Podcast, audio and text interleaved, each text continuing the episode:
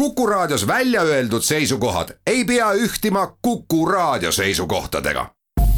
Te kuulate Kuku Raadiot.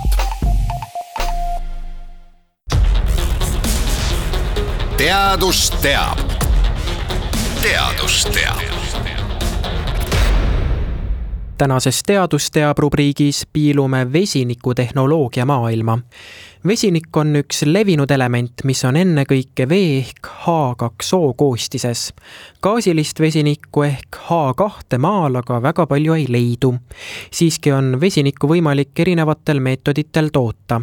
näiteks saab vesinikku toota maagaasist ehk metaanist, küll aga vabaneva süsihappegaasi tõttu pole see keskkonnasõbralik tootmisviis. siiski on rohelist ehk rohepöördeks sobilikku vesinikku võimalik toota näiteks vett elektrolüüsides, aga vesiniku tootmise võimalusi on veel mitmesuguseid. seesamune vesinik on väga hea energiakandja, see on survestatav ja veeldatav, transporditav nii mahutites kui ka torujuhtmetes. kuigi vesinikutehnoloogiaga on teadlased tegelenud aastakümneid, siis just viimasel ajal on huvi vesiniku vastu kasvanud. miks see nii on, selgitab lähemalt Tartu Ülikooli kolloid- ja keskkonnakeemia kaasprofessor Kaido Tammeveski no kui laiemalt haarata, siis eh, loomulikult on see seotud meie kliimaprobleemidega. ja kahjuks jah, praegune fossiilkütuste põletamine toob kaasa selle, et eh, kasvuhoonegaaside heide eh, järjest suureneb ja, ja sellega kaasneb siis ka temperatuuri tõus ja kõik sellega seotud mured siis. nii et noh, üks mure näiteks on see, et kui maailma meri meil, meretase siis hakkab tõusma, siis paljud suuri, suurlinnad paiknevad ju meil mere ääres ja see on nende jaoks noh, tõsine, võiks öelda eluline probleem. Nii et see on nagu, sellest tuleneb ka otsene vajadus siis temperatuuri tõusu siis vähendada nii palju kui võimalik. ja sellest on siis tingitud ka või põhjustatud ka siis Euroopa Liidu eesmärk jõuda siis aastaks kaks tuhat viiskümmend eh, süsinikuneutraalsuseni. loomulikult keegi ei taha ju loobuda praegusest elustandardist, aga me peame siis selle tagama teistsuguste vahenditega. ja üks võimalus siis ongi eh, fossiilkütuste asemel siis rohkem rõhuda vesinikutehnoloogiatele mitmetes sektorites nii et sealt on siis eh, tulnud kordades suurem huvi vesiniku kui energiakandja vastu ja kõige sellega seotud eh, probleemistiku vastu, nii et eh, kokkuvõtvalt võib seda nimetada siis üleminekuks vesinikumajandusele, mis siis meil praegu ees seisab.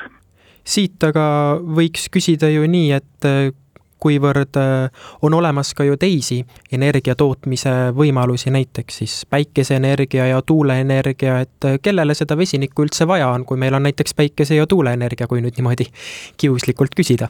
Jah, sellega oleks kõik hästi, kui meil äh, päikese- ja tuuleenergia poleks katkendliku iseloomuga. sest vaadake, öösel meil päike ei paista, eks ju Eh, mitte iga päev tuul ei puhu, aga energiasüsteem peab eh, töötama küllaltki eh, noh, kuidas siis öelda, stabiilsetes tingimustes. et see on noh, energia tarbe seisukohast küllaltki oluline. nii et, et seal on Eh, kaks varianti, et kas siis eh, mõnel juhul eh, ei piisa meile energiast, aga võib olla ka perioode, kui toimub meil ületootmine, kus ei, ei olegi nii palju elektrienergiat tarvis. ja mis siis ja kuidas see siis kõik vesinikuga on seotud, et noh, näiteks võiks tuuagi siis, et kui meil toimub nii-öelda elektrienergia ületootmine, siis me võiksime seda kasutada siis elektrolüüsi teel eh, vesiniku tootmiseks. ja, ja vesinikku on ka siis võimalik hoiustada ja edaspidi kasutada. nii et eh, vesinik eh, mängib siis selles süsteemis väga olulist rolli. et vesinikuenergia on, ma saan aru, et mõnevõrra stabiilsema loomuga? No just nimelt, et vesinik on, eks ju, gaasiline aine ja seda on võimalik hoiustada. ja, ja samuti ka siis transportida et transportimiseks on, on mitmesuguseid võimalusi, siis kas kasutada siis lihtsalt kokku surutud vesinikku siis no balloonides veoautoga transportimiseks, aga aga palju odavam on seda teha siis eh, torujuhtmeid pidi ja sellisel viisil saab siis vesinikku transportida üsna kaugele. minu mäletamist mööda siis kuni, kuni kaks tuhat kilomeetrit võiks olla vabalt. ja kui veelgi kaugemale transportida, siis on mõistlik vesinik veeldada.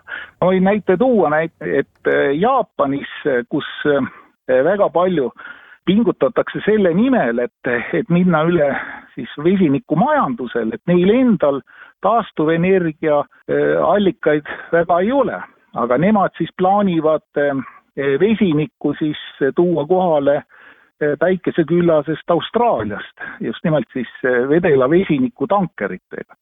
nii et, et sellised, sellised plaanid on olemas ja mitte ainult Jaapanil, vaid ka näiteks Lõuna-Koreal, noh, mis on üsna sarnastes tingimustes siiski ühe kitsaskohana saab välja tuua selle, et vesinikutehnoloogia on üsna kallis, et on näiteks olemas vesinikuautod, aga nende hind on üsna krõbe ja kas just see hind ongi see põhiline takistus, et miks seda ei ole veel väga laialdaselt kasutusele võetud? No hind on loomulikult üks oluline tegur, mis, mis mõjutab mingisuguse eh, tehnoloogia kasutuselevõttu, et siis eh, peab olema mingi väga suur põhjus, eks ju, et seda teha, eh, kuigi see võib meile, eks ju, kalliks maksma minna. nii et kindlasti jah, sõiduautode puhul on on see üks, üks probleemidest, et, et ikkagi nende hind on liiga kõrge, jah võiks, võiks olla madalam, aga ega seal nüüd eh, väga, väga alla seda, seda viia ei saa, nii et, et siin ongi küsimus selles, et kui me ikkagi tahame, et eh, süsiniku jalajälge vähendada, mis on selge eesmärk, eh, siis me peame ka natukene omalt poolt siis majanduslikult panustama. ja mõnes mõttes siin sõltub ka poliitilistest otsustest, kui näiteks ikkagi siin mõningates riikides äh, mõne aja pärast äh, keelatakse näiteks diiselrongid, siis, siis mis, mis siis asemele pakkuda on, ongi, ongi üks võimalus kasutada siis vesinikkütusel sõitvaid ronge, nii et, et selline suundumus ka on, et, et lihtsalt riigid keelustavad ära teatud siis keskkonnale mitte kasuks tulevad tegevused ka Eesti teadlased tegelevad vesiniku uurimisega, et äh, täpsemini vesinikutehnoloogia uurimisega, näiteks hakkab äh, valmis saama äh, siis esimene vesinikkütusel töötav isejuhtiv auto, et kuidas selle auto valmistamisega läheb? no minu teada peaks varsti valmis saama, nii et minu kolleegid tegelevad sellega ja on on äh, päris jõudsalt edasi liikunud. nii et see on näide, et kuidas ka Eesti teadlased saavad suurepäraselt siis panustada, aga, aga see on ainult üks näide, et ka näiteks ähm, Elkogen tegeleb äh, vesinikkütuselemendiga, täpsemalt siis äh, tahkeoksiidsete vesinikkütuselementidega ja on on jõudnud väga heade tulemusteni, nii et, et Tallinnas kohe läheb lahti palju suurema tehase ehitus võrreldes sellega, kus nad praegu paiknevad, nii et et seal on ka saavutatud läbimurre kui nüüd vaadata tulevikule, et mida te prognoosiksite, kas näiteks kümne, kahekümne aasta pärast näeme Eesti tänavatel rohkem näiteks eh, vesinikusõidukeid, olgu need siis bussid või eh, tavalised eh, sõiduautod? ma ise arvangi niimoodi, et, et see oleks või siis mõistlikum oleks jah, alustadagi ühistranspordiga et seal noh, tavaliselt ka siis eh, omavalitsused, eks ju, panustavad sellel eesmärgil. ja, ja kui vaadata, et noh, mis toimub eh, siis eh, Lääne-Euroopas või siis Lõuna-Koreas, Jaapanis, California osariigis, Ameerika Ühendriikides, siis ikkagi minnakse selles suunas, et, et järjest enam tuleb siis näiteks busse, mis, mis kasutavad ja vesinikkütust sõiduautodega ma usun, et läheb veel aega, et enne kui näiteks Eesti elanike ostuvõime jõuab nii kaugele, et, et hakata endale soetama vesinikkütusel sõitvaid autosid.